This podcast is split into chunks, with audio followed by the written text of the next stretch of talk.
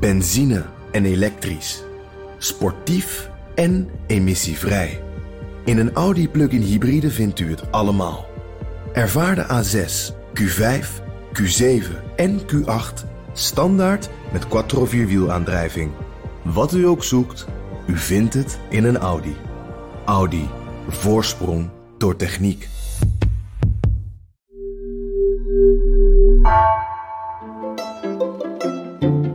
Welkom. Wij zijn Onbehaarde Apen. Dit is een podcast van NRC over wetenschap.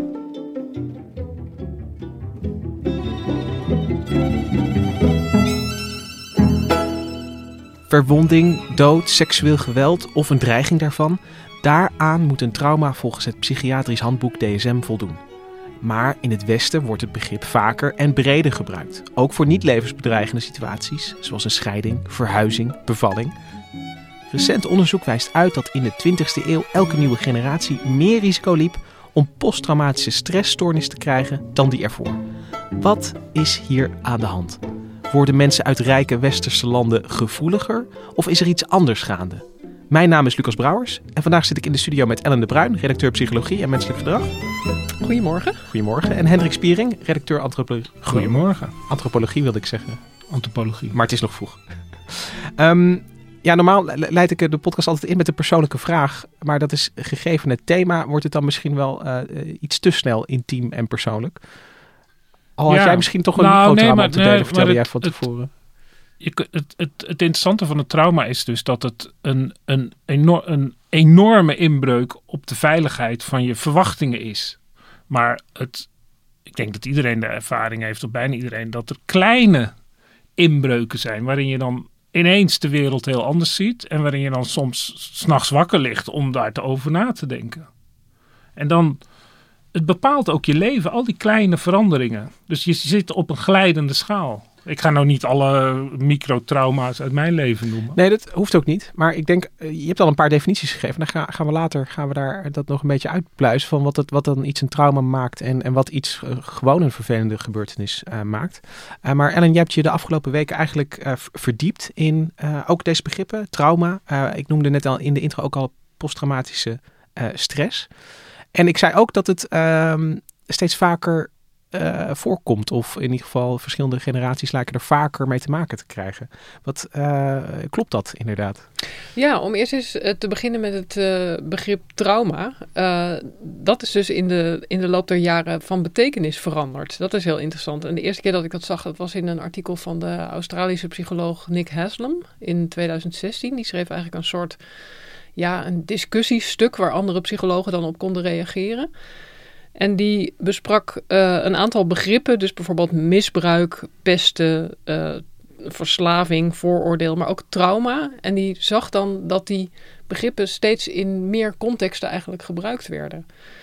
En hij noemde dat dan eigenlijk een soort. eh, hij, hij zei: er is dus een betekenisuitbreiding van. En die betekenissen, die begrippen, die worden horizontaal uitgebreid. Dus ze worden in heel andere situaties gebruikt dan eerder. En eh, verticaal uitgebreid. Ze worden ook in minder ernstige situaties gebruikt. Als je dan kijkt naar verslaving bijvoorbeeld, dat werd eerst gebruikt alleen voor, voor harddrugs. En nu ook eh, eh, voor shoppen bijvoorbeeld. En gamen en seks. En eh, trauma, dat was eigenlijk oorspronkelijk het, het woord voor verwonding. Dus voor een fysieke verwonding. En dat wordt nu eigenlijk ook in psychologische, psychiatrische contexten gebruikt. Ja, en het was eerst de oorlog. Je moest zeg maar eh, aan het front hebben gestaan. Daar kon je een trauma van hebben. Nou, daarvoor nog, want dan heb je het al inderdaad over een psychologisch trauma. Maar daarvoor was een trauma gewoon een heel ernstige verwonding. Eh, een vriend van mij heeft eh, jarenlang op de eerste hulp gewerkt in een ziekenhuis. En dan, als hij een trauma kreeg, dan was het gewoon iemand die, ja, die heel erg door de mangel was Ja. gehaald, fysiek. Ja, daar En- zie je de oorspronkelijke betekenis nog. De traumaarts die, die eigenlijk met, met gewoon heel eh, ernstig fysiek letsel te maken krijgt in zijn... Ja, eh, het is ook een Grieks woord. Het betekent gewoon verwonding. Ja, en dat was ook zo stond het eh, in, de, eh, in de eerste keer dat het in de DSM stond. eh, in het psychiatrisch handboek, dus de eerste editie daarvan, 1952. Daar betekende het ook nog steeds eh, om, omvangrijke, ernstige fysieke verwonding. En het stond erin omdat zo'n grote wond kon ook het brein treffen, zeg maar. En dan moest je er als psychiater natuurlijk iets mee. En die signalering in 2016 van, van die uh, Haslam is dat het, zeg maar, de kern, uh, het begint bij ernstig en het, uh, um, het, het, wordt dus op minder ernstige situaties toegepast. Ja, het gaat van ernstig naar minder ernstig en het gaat van het ene domein naar het andere. Maar dat is observerend, zeg maar. Hij ziet dat gebeuren gewoon in het... Uh, hij ziet dat gebeuren, ja. Hij noemde dat ook concept creep. Dus het, wat ook een beetje uh, griezelig klinkt. Uh, maar het, vers, het verschuiven, het, het, het wegkruipen van het, uh, van het concept. Ja, dus dat, dat, is, dat is observerend. Dat zie je gewoon in de taal gebeuren. Hoe ja. psychologen, psychotherapeuten daar, daarover spreken. Hoe cliënten er misschien over spreken. Maar als we dan toch gaan proberen om er een definitie aan te geven. Je, je, zei al, in die eerste DSM was het nog gekoppeld aan, aan fysiek letsel. Wanneer begint dat op het, in het psychologische domein te komen? Nou, ik denk de derde DSM. Uh, want toen kwam posttraumatische stressstoornis op. En uh, over welk jaar hebben we het dan? Die DSM 3, dat was uh, 1980, was de eerste versie. En dan was er nog een herziene versie in 1987. Maar daar komt dus de, de posttraumatische stressstoornis als beschrijving van een, van een aandoening. die komt daar voor het eerst voor. Die komt daar voor het eerst in voor. Ja, want daarvoor had je dan wel ja, uh, omschrijvingen van uh, grote, zware stress of aanpassingsstoornis. Maar bij de derde DSM had je echt uh, de posttraumatische stressstoornis was toen gedefinieerd. En dan moet je ook dus omschrijven wat is dan een traumatische gebeurtenis.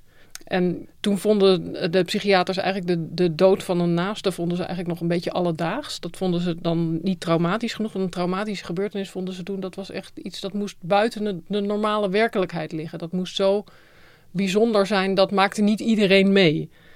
Dus dat is bijvoorbeeld uh, dan nou ja, veroordeeld te worden tot de doodstraf. Of, uh, ja, dat uh, maakt niet iedereen mee. Nee, precies. Of, of dienen in, een, in, het, in het leger op het slagveld. En als we vanuit het nu zeg maar terugkijken naar 1980, dan zou je dit de, de klassieke definitie van posttraumatische stress misschien noemen. Dus, dus die, die heftige gebeurtenis, die, dat prikkelbare, dat is, dat is een klassiek trauma, zou ik bijna willen zeggen. Niet, nog niet wat jij aan het begin. Uh, nee, hoewel ik nu dus ook denk dat je een beetje door elkaar haalt uh, trauma, uh, traumatische gebeurtenis, posttraumatische stressstoornis. Dat is misschien ook nog goed om even uit elkaar te halen. Het trauma is dus in feite de, de verwonding, de psychische verwonding die je aan, eraan overhoudt. De posttraumatische stressstoornis is de, de aandoening, de, de ziekte. En de traumatische ervaring is die gebeurtenis die je hebt meegemaakt. En het, wat is dan het verschil tussen een trauma en een, een posttraumatische stressstoornis? Ik denk dat dat uh, vooral heel administratief is, dat die posttraumatische stressstoornis dat die, uh, in, de, uh, in die DSM staat als een officiële aandoening. En ja, je, je zou kunnen zeggen dat je een trauma, dat je dat misschien met je meedraagt. Dat is een, een innerlijk meer, probleem, meer... zeg maar. Of hoe moet je het zeggen? Een, ja. een innerlijke wond. Ja. Een kras op je ziel. Ja, een posttraumatische stressstoornis is meer het etiketje dat de psychiaters erop kunnen plakken, zodat ze je kunnen behandelen. En als we de, de lijn van de DSM uh, volgen, um, uh, hij heeft een aantal jaar geleden nog een, een, uh, een update gekregen. Hoe staat trauma, posttraumatische stress, hoe staat daar, daarin beschreven? In de nieuwste DSM, dat is de DSM 5, uh, die is dan wel weer wat strenger. Dus we hebben in de tussentijd nog de DSM 3 herzien gehad in 1987 en de DSM 4 in 1994. Toen werd eigenlijk de defi definitie van die traumatische ervaring werd een beetje afgezwakt. Dus toen zeiden ze, uh, die gebeurtenis hoeft niet meer echt jezelf te betreffen. Het kan ook een, uh, een naaste overkomen. En toen werd bijvoorbeeld uh, genoemd als je kind levensbedreigend ziek wordt. Dat betreft dus niet jezelf, maar dat is wel, kan wel traumatisch zijn. En wat er meer werd benadrukt, werd het subjectieve. Dus de hoeveelheid stress die je daarvan krijgt. Of de hoeveelheid, hoe, hoe akelig het voor je is. En nou ja, daar werd dat traumabegrip dus al een beetje uitgebreid. En uh, in de huidige DSM, dat is die uit 2013, nummer 5. Het zijn wel allemaal veel getallen dit. Ja. Uh, in, de, in de huidige DSM, de 5, daar staat dan weer heel streng van... het moet wel echt een dreiging van verwonding, dood of uh, seksueel geweld inhouden... maar dat subjectieve is uh, gebleven. Dus het, is ook, het, het gaat er ook heel erg om hoe erg het iets met je doet. Ja, want die diagnostische symptomen van die PTSS... die zijn natuurlijk vrij duidelijk. Ja, en die blijven, eh, ja. Dat, dat, dat kan je dan. En dan wat eraan vooraf gaat, ja, dat, dat doet er dan bij wijze van spreken niet eens onmiddellijk toe. Wel in de concrete behandeling, Ja. maar in de diagnose natuurlijk niet. Want de, het, het, het, het, Ja, het staat er dus wel in, die traumatische gebeurtenis, als criterium A, waar je dan ook eh, aan moet voldoen. Maar die symptomen, die, ja, die zijn ook heel helder inderdaad. Maar dat, dat hele idee van een stresssyndroom, want ik heb een beetje in die, in die geschiedenis zitten kijken. En dan zie je dat eigenlijk halverwege de 19e eeuw eh, Franse en Engelse ja, psychiaters waren het eigenlijk nog niet, maar de doktoren. Die de eerste, geloof ik, een Fransman, die maakte een heel onderzoek naar eh, heel modern eigenlijk, eh, seksueel misbruik bij kinderen en hoe ze daar later in het leven mee omgaan. Oh, Alle- wat interessant. dan zie je dus die hele, wat wij nu, zeg maar, ja, helaas als een normaal feit beschouwen. Dat als je in je kindertijd seksueel misbruikt bent, dat je daar je hele leven, ja, ik zal maar zeggen, last van krijgt. In alle vormen en maten die, die daar denkbaar zijn. Dat werd toen al gezien.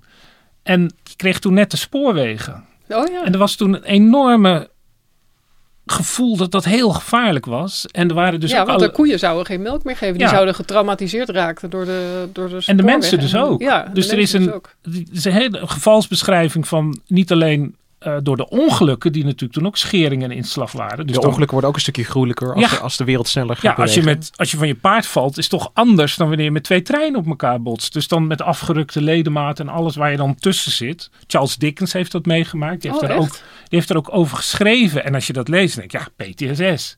Dat die, ik ben even vergeten wat de details zijn, maar het komt er toch op neer van, ja, dat als hij een trein hoort, dat hij dan al schrikachtig wordt. Ja, En ehm, er ontstaat dan dus een enorme discussie. Wat is hier aan de hand? En dan kijk je dus recht in, het, in de oertijd van de psychiatrie. Want dan krijg je dus termen als spinal concussion. Dus een, een, een, een, ruggige, een ruggenmergschudding. dat dat dan die, die psychische, Oh, ja. psychische effecten. Dus dat er gewoon daadwerkelijk een, een, iets kapot is gegaan. En je had toen ook grote oorlogen. De Krimoorlog van, wat was het, 1855 of 1850 zo ongeveer. En de Amerikaanse burgeroorlog. Nou, later nog de Eerste Wereldoorlog natuurlijk. Maar daarvoor al heb je dan een soldier's heart. Dus dan is het niet het idee dat de ruggengraat, ruggenmerg geschud is. Waardoor mensen dus angstig worden en in de war. Maar dat het dus je hart is. Want eh, ik denk hartkloppingen hoort denk ik ook bij eh, posttraumatische stress. Maar het, het is dus ook het zoeken naar iets fysieks om ehm, eh, een fysieke oorzaak Ja. voor het leed dat dan de- daarna nog gezien wordt. Ja, en het interessante is dat die discussie die dan allerlei eh, fases kent. Want in de Eerste Wereldoorlog heb je natuurlijk shell shock. Dat is eigenlijk hetzelfde idee dat door, die, door dat licht en die klap eh, die soldaten in de war raken. Het, het- was, eh, als, als je daar de beschrijvingen van leest, dan zijn het echt eh, eh, jonge mannen op het slagveld die, die eigenlijk onaanspreekbaar zijn. Ja. Ehm, gewoon door het oorlogsgeweld om hem heen helemaal Ja. eh, verstijfd rillen. eh. dat is natuurlijk ook die afstomping die dan wel bij de eh, symptomen van posttraumatische stressstoornis staat. Ja, ook. precies. Ja. Het En is wat- heel mooi om die oude hypotheses te horen. ja, die De zijn heel modern. Mensen waren echt niet stom gewoon. Ja, ja, Maar wat je dan krijgt is een hele felle discussie waarin Freud ook nog een rolletje speelt. uiteraard. Wat is hier aan de hand? Is het een fysieke schade ergens in het fysieke zenuwstelsel? Of is het een psychiatrisch, een psychologische schade die vervolgens een bepaald effect heeft? Wat, wat is er eerst? Ik las ergens in een van de stuk dat doordat de neurologie en de psychiatrie uit elkaar zijn gegaan, heeft het heel lang geduurd voordat dat weer samenkomt. Eigenlijk in die DSM, wat is het, 1, 2, 3, 4, 5, zie je dat zo groeien. Dat, ja, dat er toch een fysiek iets is. Wat een, een, een verwonding geeft bij, in de psyche. Maar het is dus een van buiten inwerkende kracht. Ja, En niet een autonoom psychologisch verwerkingsproces wat, wat verkeerd gaat. Dus het is een hele, het is een hele ongewone, in de psychiatrie, een ongewone stoornis. Omdat het niet zuiver mentaal is, niet zuiver psychiatrisch. ik, eh, zou je dat zeggen? Ik, eh, ik vraag me toch af of het niet, eh, de- die omschrijving, of die ook niet heel erg eh, psychologisch is. Met die intrusies en met die... Ja, dat wel. Dat is het gevolg. Ja. Maar waardoor, waardoor ontstaat het?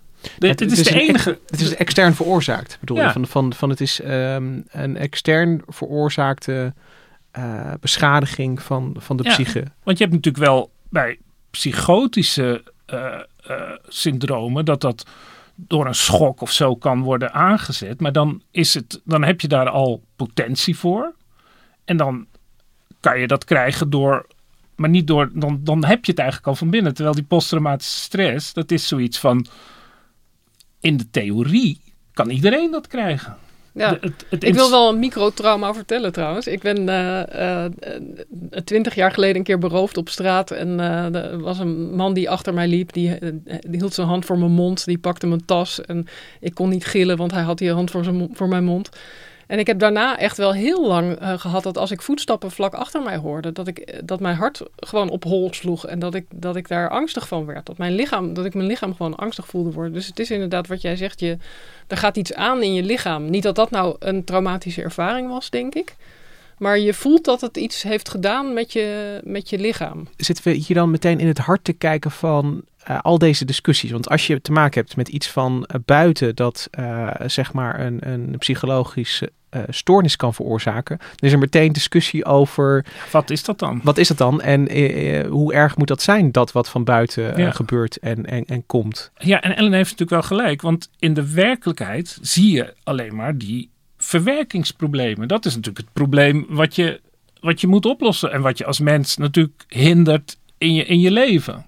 Dat je dan heel erg schrikachtig bent of, of niet, meer kan, niet meer kan denken. Weet je, dat zijn natuurlijk grote problemen. Die posttraumatische stress, dat is, dat is, dat is ontzettend reëel en, en uh, heel erg. Maar van die oorlogen, die, uh, dat, dat, snap ik dat, dat dat dat je dan ineens met mensen ziet die iets heel iets ergs terugkomen. Maar hoe, hoe kan het dat het dat het ook nu bij andere situaties wordt, wordt gezien? Kijk, op, op een of andere manier het beeld van die getraumatiseerde soldaat, dat, dat heb ik heel sterk voor ogen. Maar... Ja, omdat die misschien dan wel van de bovenste plancategorie heftig zijn voor de persoon die het overkomt. Kijk, we hebben uh, een aantal decennia achter de rug waarin er in ieder geval in ons land uh, en in de, rijke westerse landen geen oorlog was. Ehm, ja, sowieso neemt de hoeveelheid uh, geweld uh, in, in de wereld af. Het, is, het voelt nu heel raar om dat te zeggen, omdat we nu natuurlijk net. De, er is net een, een, een, nieuwe oorlog begonnen die nogal dichtbij is. Maar als, je, ja, als je naar het geweld in de wereld kijkt, is dat in de loop van de decennia steeds afgenomen. Wat je dan krijgt, is natuurlijk ook een soort voorgrond-achtergrond iets. Uh, je, je, je norm verandert. Uh, je, je gaat denken dat uh, als het goed is in de wereld, dat dat is hoe het normaal hoort te gaan. En afwijkingen daarvan vallen dan ook sneller op. Dus die problemen op het werk die zijn dan ook veel erger relatief. Ehm, de Amerikaanse psycholoog Peyton Jones die noemt dat dan de neurotische tredmolen. Het idee dat mensen ongeveer evenveel posttraumatische stressstoornis hebben. Uh, ondanks dat de samenleving veiliger wordt en, en dat eigenlijk alles beter gaat. Dus je zou, uh, hij zou eigenlijk verwachten dat we daar de vruchten van plukken en dat doen we dus niet. Dus als je het op maatschappelijk niveau bekijkt, dan, dan neemt onze posttraumatische stress neemt niet af. Terwijl... Nee, eerder een beetje toe, zegt hij zelfs.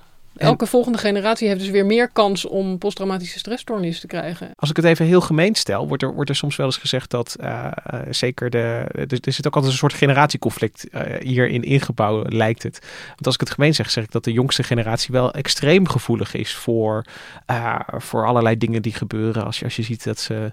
Nou ja, klimaatstress wordt dan genoemd. Weet je, van, van dat ze daar. Ja, maar dat, van hebben. dat weet je dus niet. Of, de, of het alleen de jongere generatie gevoeliger is geworden. Want het zou even goed kunnen dat iedereen gevoeliger is geworden. En dat is ook de ouderen die nu in deze situatie leven, dat die ook uh, op dit moment in deze samenleving uh, gevoeliger zijn dan ze waren uh, in een samenleving in 1960. Ja, het interessante is dat het dan vaak meestal de ouderen zijn die dat de jongeren verwijten. Van ja, jullie hebben niks meegemaakt en maar zeuren. Er is ook altijd een soort leedcompetitie wat dat betreft. Van wij hadden het erger, uh, bij ons is het erger. Maar dat, uh, ja, dat is denk ik ten onrechte, omdat wat iedereen uh, voor zichzelf als erg meemaakt, dat, dat is gewoon, dat is op zich wel waar. Daar moet je ook, natuurlijk iets het mee. Het is de manier waarop je ermee omgaat. En het, het, het interessante is natuurlijk dat je dus, als je dus opgroeit in een enorme stressvolle situatie, dan, dan word je je hele zenuwstelsel, je hele verwachtingspatroon, het, het, wordt ingesteld op een bepaalde, een bepaalde uh, leven wat je verwacht te leiden. Dat is zeg maar in de, in de, in, in, in dat heb je al bij dieren heb je dat ook. Maar mensen zijn ook, dat zijn ook zoogdieren die worden afgesteld op de eerste aantal jaren. Die wordt heel vaak gezegd, die eerste drie jaren zijn heel belangrijk voor de hechting bijvoorbeeld. Heb je een veilige omgeving. Ja, dat zijn fenomenen die zijn niet te ontkennen. En als je dus opgroeit in een wereld uh, laten we zeggen, in een 19e eeuwse fabriekswereld vol armoede en, en, en lawaai en mishandeling. En, of in een oorlogssituatie, dan, ja, dan raak je minder gauw geschokt als er later iets verschrikkelijks gebeurt. Misschien ja, omdat je al afgestomd bent. Af, omdat, ook, uh, omdat ik ook denk dat mensen van de oudere generatie die nu in deze samenleving leven en in deze hele veilige situatie zitten, uh, dan kan iemand die nu 60 jaar is misschien ook wel posttraumatische stress. Ja, maar die zijn heel veilig opgegroeid, die nu 60 zijn. Maar, maar er zit aan de andere kant dus, uh, als ik goed naar je luister, wel wat, wat in dat, dat wat, wat je verwachtingen zijn van, van hoe de omgeving is, dat, dat interacteert wel. Het is, het is, het is absoluut geen, geen zwart-wit kwestie, uh, maar... Um, en ook wat jij net aanstipte, Hendrik, van, van als je omgeving onveiliger is, dan, dan, uh, nou ja, dan steekt er natuurlijk minder. Uh, kijk, als het water hoger staat, steekt er minder boven dat water uit. Dus dan, je wordt gewoon door, door de ergste dingen die je meemaakt, daar raak je het meest getraumatiseerd door. En als die hele samenleving vol met extreem erge dingen zit, vol met bommen die vallen, dan zijn dat de dingen waar je getraumatiseerd door raakt. Zijn die bommen er niet, dan raak je getraumatiseerd door minder erge dingen. Bijvoorbeeld door uh, dat je geliefde bij je wegloopt. Of uh, doordat je op je werk gepest wordt. Of de, dat soort dingen. Maar is het dan niet een beetje dwaas van, um, uh, van psychiaters en psychologen dat ze dan aan de voorkant in die DSM dan toch willen vastleggen welke gebeurtenissen dan als potentieel traumatisch gezien worden, omdat dat afhankelijk is van maatschappelijke context? Ja, daar is ook wel discussie over. En je ziet dus ook inderdaad wel dat dat in die verschillende DSM's is veranderd. En dat dat dan uh, weer minder streng is en dat het dan weer strenger is. Dus uh, ja, ik verwacht wel dat dat in DSM 6, wanneer die er ook komt, dat dat weer veranderd zal zijn. En misschien gaat het dan alleen maar naar de symptomen. Ik heb eigenlijk geen idee. Maar in plaats van de gebeurtenissen dan heel specifiek op te noemen en op een rijtje te zetten. Bijvoorbeeld een verlies van een, uh, van een naaste of een onverwacht verlies van naaste. Is het dan niet gewoon beter om het algemener te noemen? Ik, ik, probeer een voorzet te geven voor de DSM-6. Maar om, om het in algemeen iets te zeggen als het zijn gebeurtenissen die um, de veiligheid aantasten. Um, vaak op een, een onverwachte manier. Weet je, van is er wel zo'n soort lijstje te geven ik heb ook wel het idee dat het daar in de, eh, in de DSM steeds meer naartoe is gegaan. Dus dat het steeds meer op dat subjectieve is gaan zitten en steeds meer op de symptomen en misschien meer uh, op het heel precies omschrijven van die gebeurtenis. Maar ja, je, je zit er natuurlijk altijd mee dat het een heel ingrijpende gebeurtenis moet zijn. Die afwijkt van wat er op dat moment in de maatschappij normaal is. En dat het, uh, ja, dat het heel ernstig is. Maar waar mensen last van hebben, is inderdaad uiteindelijk die symptomen. Is dat lijstje met symptomen. Ja, precies. Dus dat blijft leidend voor zo'n handboek als de DSM. Ja. En, en, het is ook lastig als je al die gebeurtenissen zou gaan definiëren van dit is, dit is wel traumatisch, dit is niet traumatisch. Dan uh, kom je natuurlijk ook, je komt sowieso met deze discussie snel in het domein van victim blaming terecht. Van uh, als, je, uh, als je ergens last van hebt, maar het is niet een heel erg officieel traumatische gebeurtenis, dan is het misschien je eigen schuld of zo. Dat, is, uh, ja, dat zijn natuurlijk lastige discussies. Uh. En in die zin ook niet zo productief. Want ik noemde nee, absoluut niet. In, in het begin een, een, verhuizing. En dan kun je, kan ik heel makkelijk zeggen, ja, verhuizing, kom op. Zeg maar, zeg nou, afhankelijk van de omstandigheden kan dat uh, een heel traumatische gebeurtenis zijn. Stel ja, je voor veiligheid helemaal aantast. Ja, stel je voor dat je, nou laten we zeggen, een oudere generatie. Stel je voor dat je 80 jaar bent en je, je moet verhuizen naar een verzorgingsflat. Uh, je vrouw is net overleden, je staat er alleen voor. Uh, je, dat is, ik kan me voorstellen dat het verschrikkelijk is. Dat dat dan de druppel is die de emmer doet overlopen. Ja, ja, precies. Ja, ja, en in die zin vind ik het, het, um, uh, het is aan de ene kant logisch dat het bij de, op deze plek waar de, zeg maar, de binnenwereld en de buitenwereld zeg maar, elkaar raken. Want het, het gaat uiteindelijk over onze psyche en, en wat er vanuit de, ja, toch wat er in, in onze omgeving gebeurt.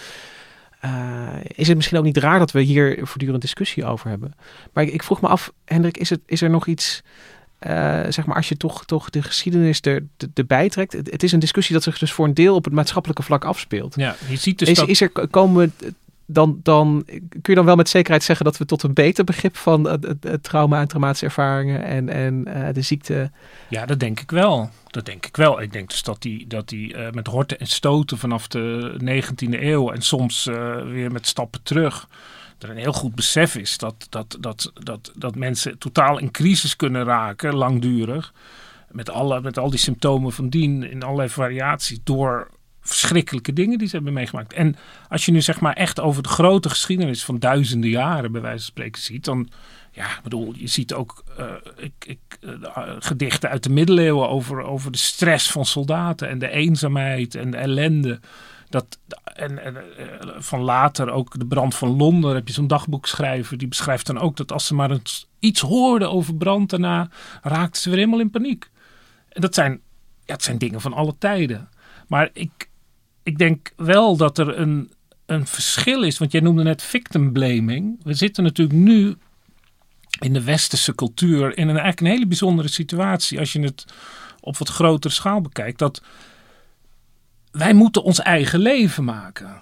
Dus we, en het worden ook geacht gelukkig te zijn. Dat is het doel. We moeten gelukkig zijn. Ja, dat is ook wel heel erg de norm, zeg maar. Ja. Dat wordt ook wel eh, je opgelegd. Ja, dus Je als bent je er dan, zelf verantwoordelijk voor. Ja. ja. Dus dat, dat, dat, dat geeft al stress, zeg maar. Terwijl als je. eh, we hebben het ook met die vikingen erover gehad. En met allerlei. eh, met die spelletjes hebben we het er ook over gehad. Dat vroeger waren noodlotspelletjes, dobbelspelletjes, waren heel belangrijk. Terwijl nu denk je, ja, god, eh, dat dobbelen, who cares? Maar dat was een manier om met het noodlot om te gaan. En er was heel erg een besef dat je gewoon pech kon hebben in het leven. En dat was dan niet je eigen schuld. En er waren allemaal rituelen om daarmee om te gaan. Dat zouden we eigenlijk nu wel weer heel erg kunnen gebruiken. Het idee dat je eh, leven van noodlot en van toeval en van pech aan elkaar hangt. Ik ben daar zelf. Ik, ja, ik, ik vind dat absoluut. Ik vind dat alles wat je meemaakt eigenlijk eh, op toeval berust. Inclusief de genen die je mee hebt gekregen. de ouders bij wie je geboren bent. Het land waarin je geboren bent. Je hebt eigenlijk heel weinig eh, autonomie. Maar in de huidige maatschappij wordt er wel gedaan alsof je heel veel autonomie Ja, hebt. dat is een enorme vrijheid. Dat is ook zo natuurlijk. Eh, rituelen bestaan niet meer. Eh, alles wat je, je moet jezelf ontwikkelen. Het, het, het, wat, we- om het om heel maatschappelijk te maken. Dat eh, als het gaat om eh, discriminatie van eh, mensen met een migratieachtergrond. Er was nog maar een paar jaar geleden dat, dat de premier Rutte zei: ja, dan moet je maar beter je best doen. Dat, het is Ook ja, met vrouwen in het kabinet Ja. inderdaad. Van het gaat om kwaliteit. Het, Het is- eh, het is ik zeg maar- kwaliteit. ja, je- het is, het, is, het is bijna altijd je eigen schuld. En dat is ook die spanning die er Ja. hierin zit. Terwijl, Terwijl- ik denk ook echt dat bijna niets is je eigen schuld. Heel veel overkomt je gewoon. Nou, welkom is, in de eh, middeleeuwen, Ellen. Ja, dankjewel. Maar, maar je zegt ook, er waren zeg maar, op maatschappelijk niveau eh, meer copingmechanismen, meer mechanismen ingebakken die, die daar eh, of, of, of Ja, want er is ook erkenning nog, aan gaven. er is ook nog een, een, een, die hele individualisering, waar natuurlijk dat idee van zelfontwikkeling en eh, dat, ja, wij vinden dat, ik vind dat ook heel belangrijk. Maar er zit ook de andere kant van die individualisering is dat je het sociale netwerk wordt zwakker, want je moet het allemaal, je moet het allemaal zelf doen. En de identificatie met je familie en, en, en, en de eenheid die je daarmee voelt, of met het dorp, je vrienden, dat is allemaal de bekende clichés die is ook minder. Dat lees je altijd overal. Je ziet het ook, we hebben laatst eh, Esther Perel geïnterviewd en die zei ook, tegenwoordig is overspel, het is al vaker in de krant geweest ook, eh, is zo'n enorm probleem omdat die, die, die, die liefdespartners zijn zo op elkaar gericht, dat ja, ze zei, je kan nog beter iets stelen van je partner. Hè, want eh, je kan beter geld pakken dan dat je overspel pleegt. Want dat is zo'n verraad. En de mensen raken totaal in de war.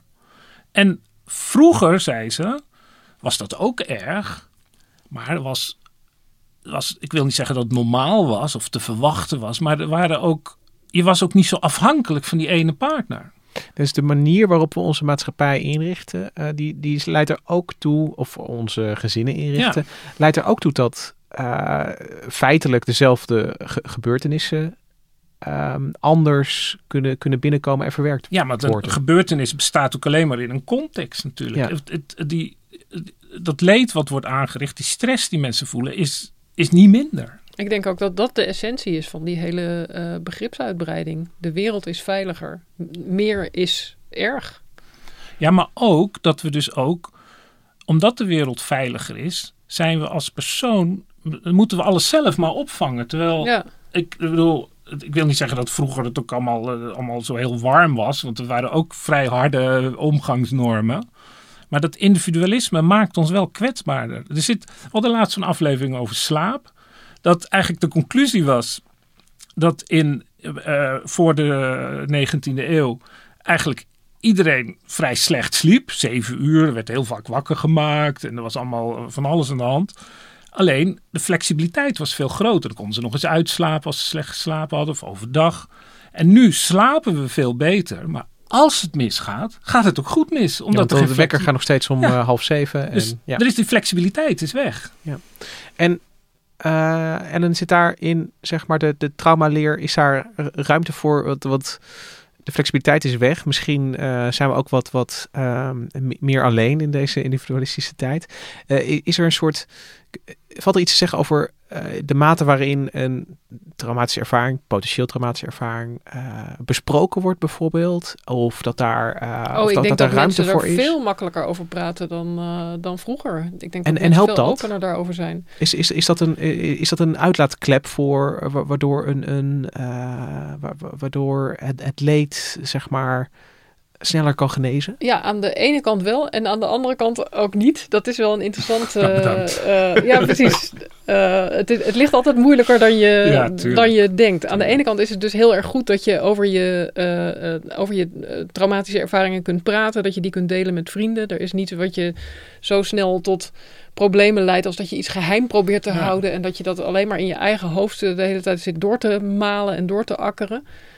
Aan de andere kant weten we ook dat als je mensen direct na een potentieel traumatiserende gebeurtenis uitgebreid daarover gaat ondervragen en meteen op ze afstapt en meteen zegt: Ja, nee, nu moet je erover praten, nu moet je alles vertellen, dat dat ook niet goed is. Dat dat eh, als het ware die gebeurtenis consolideert in hun hersenen en dat je dan eigenlijk meer kans loopt om daar getraumatiseerd Ja, door te dan, raken. dan denk je het was, eh, dan, dan krijg je ook niet de kans om dat op je eigen stille manier te verwerken. Precies, je krijgt eigenlijk meteen de boodschap mee: dit was heel erg, waardoor je ook de ervaring eh, eh, internaliseert Ja. van: ik heb nu iets heel ergs meegemaakt. Dat zal wel.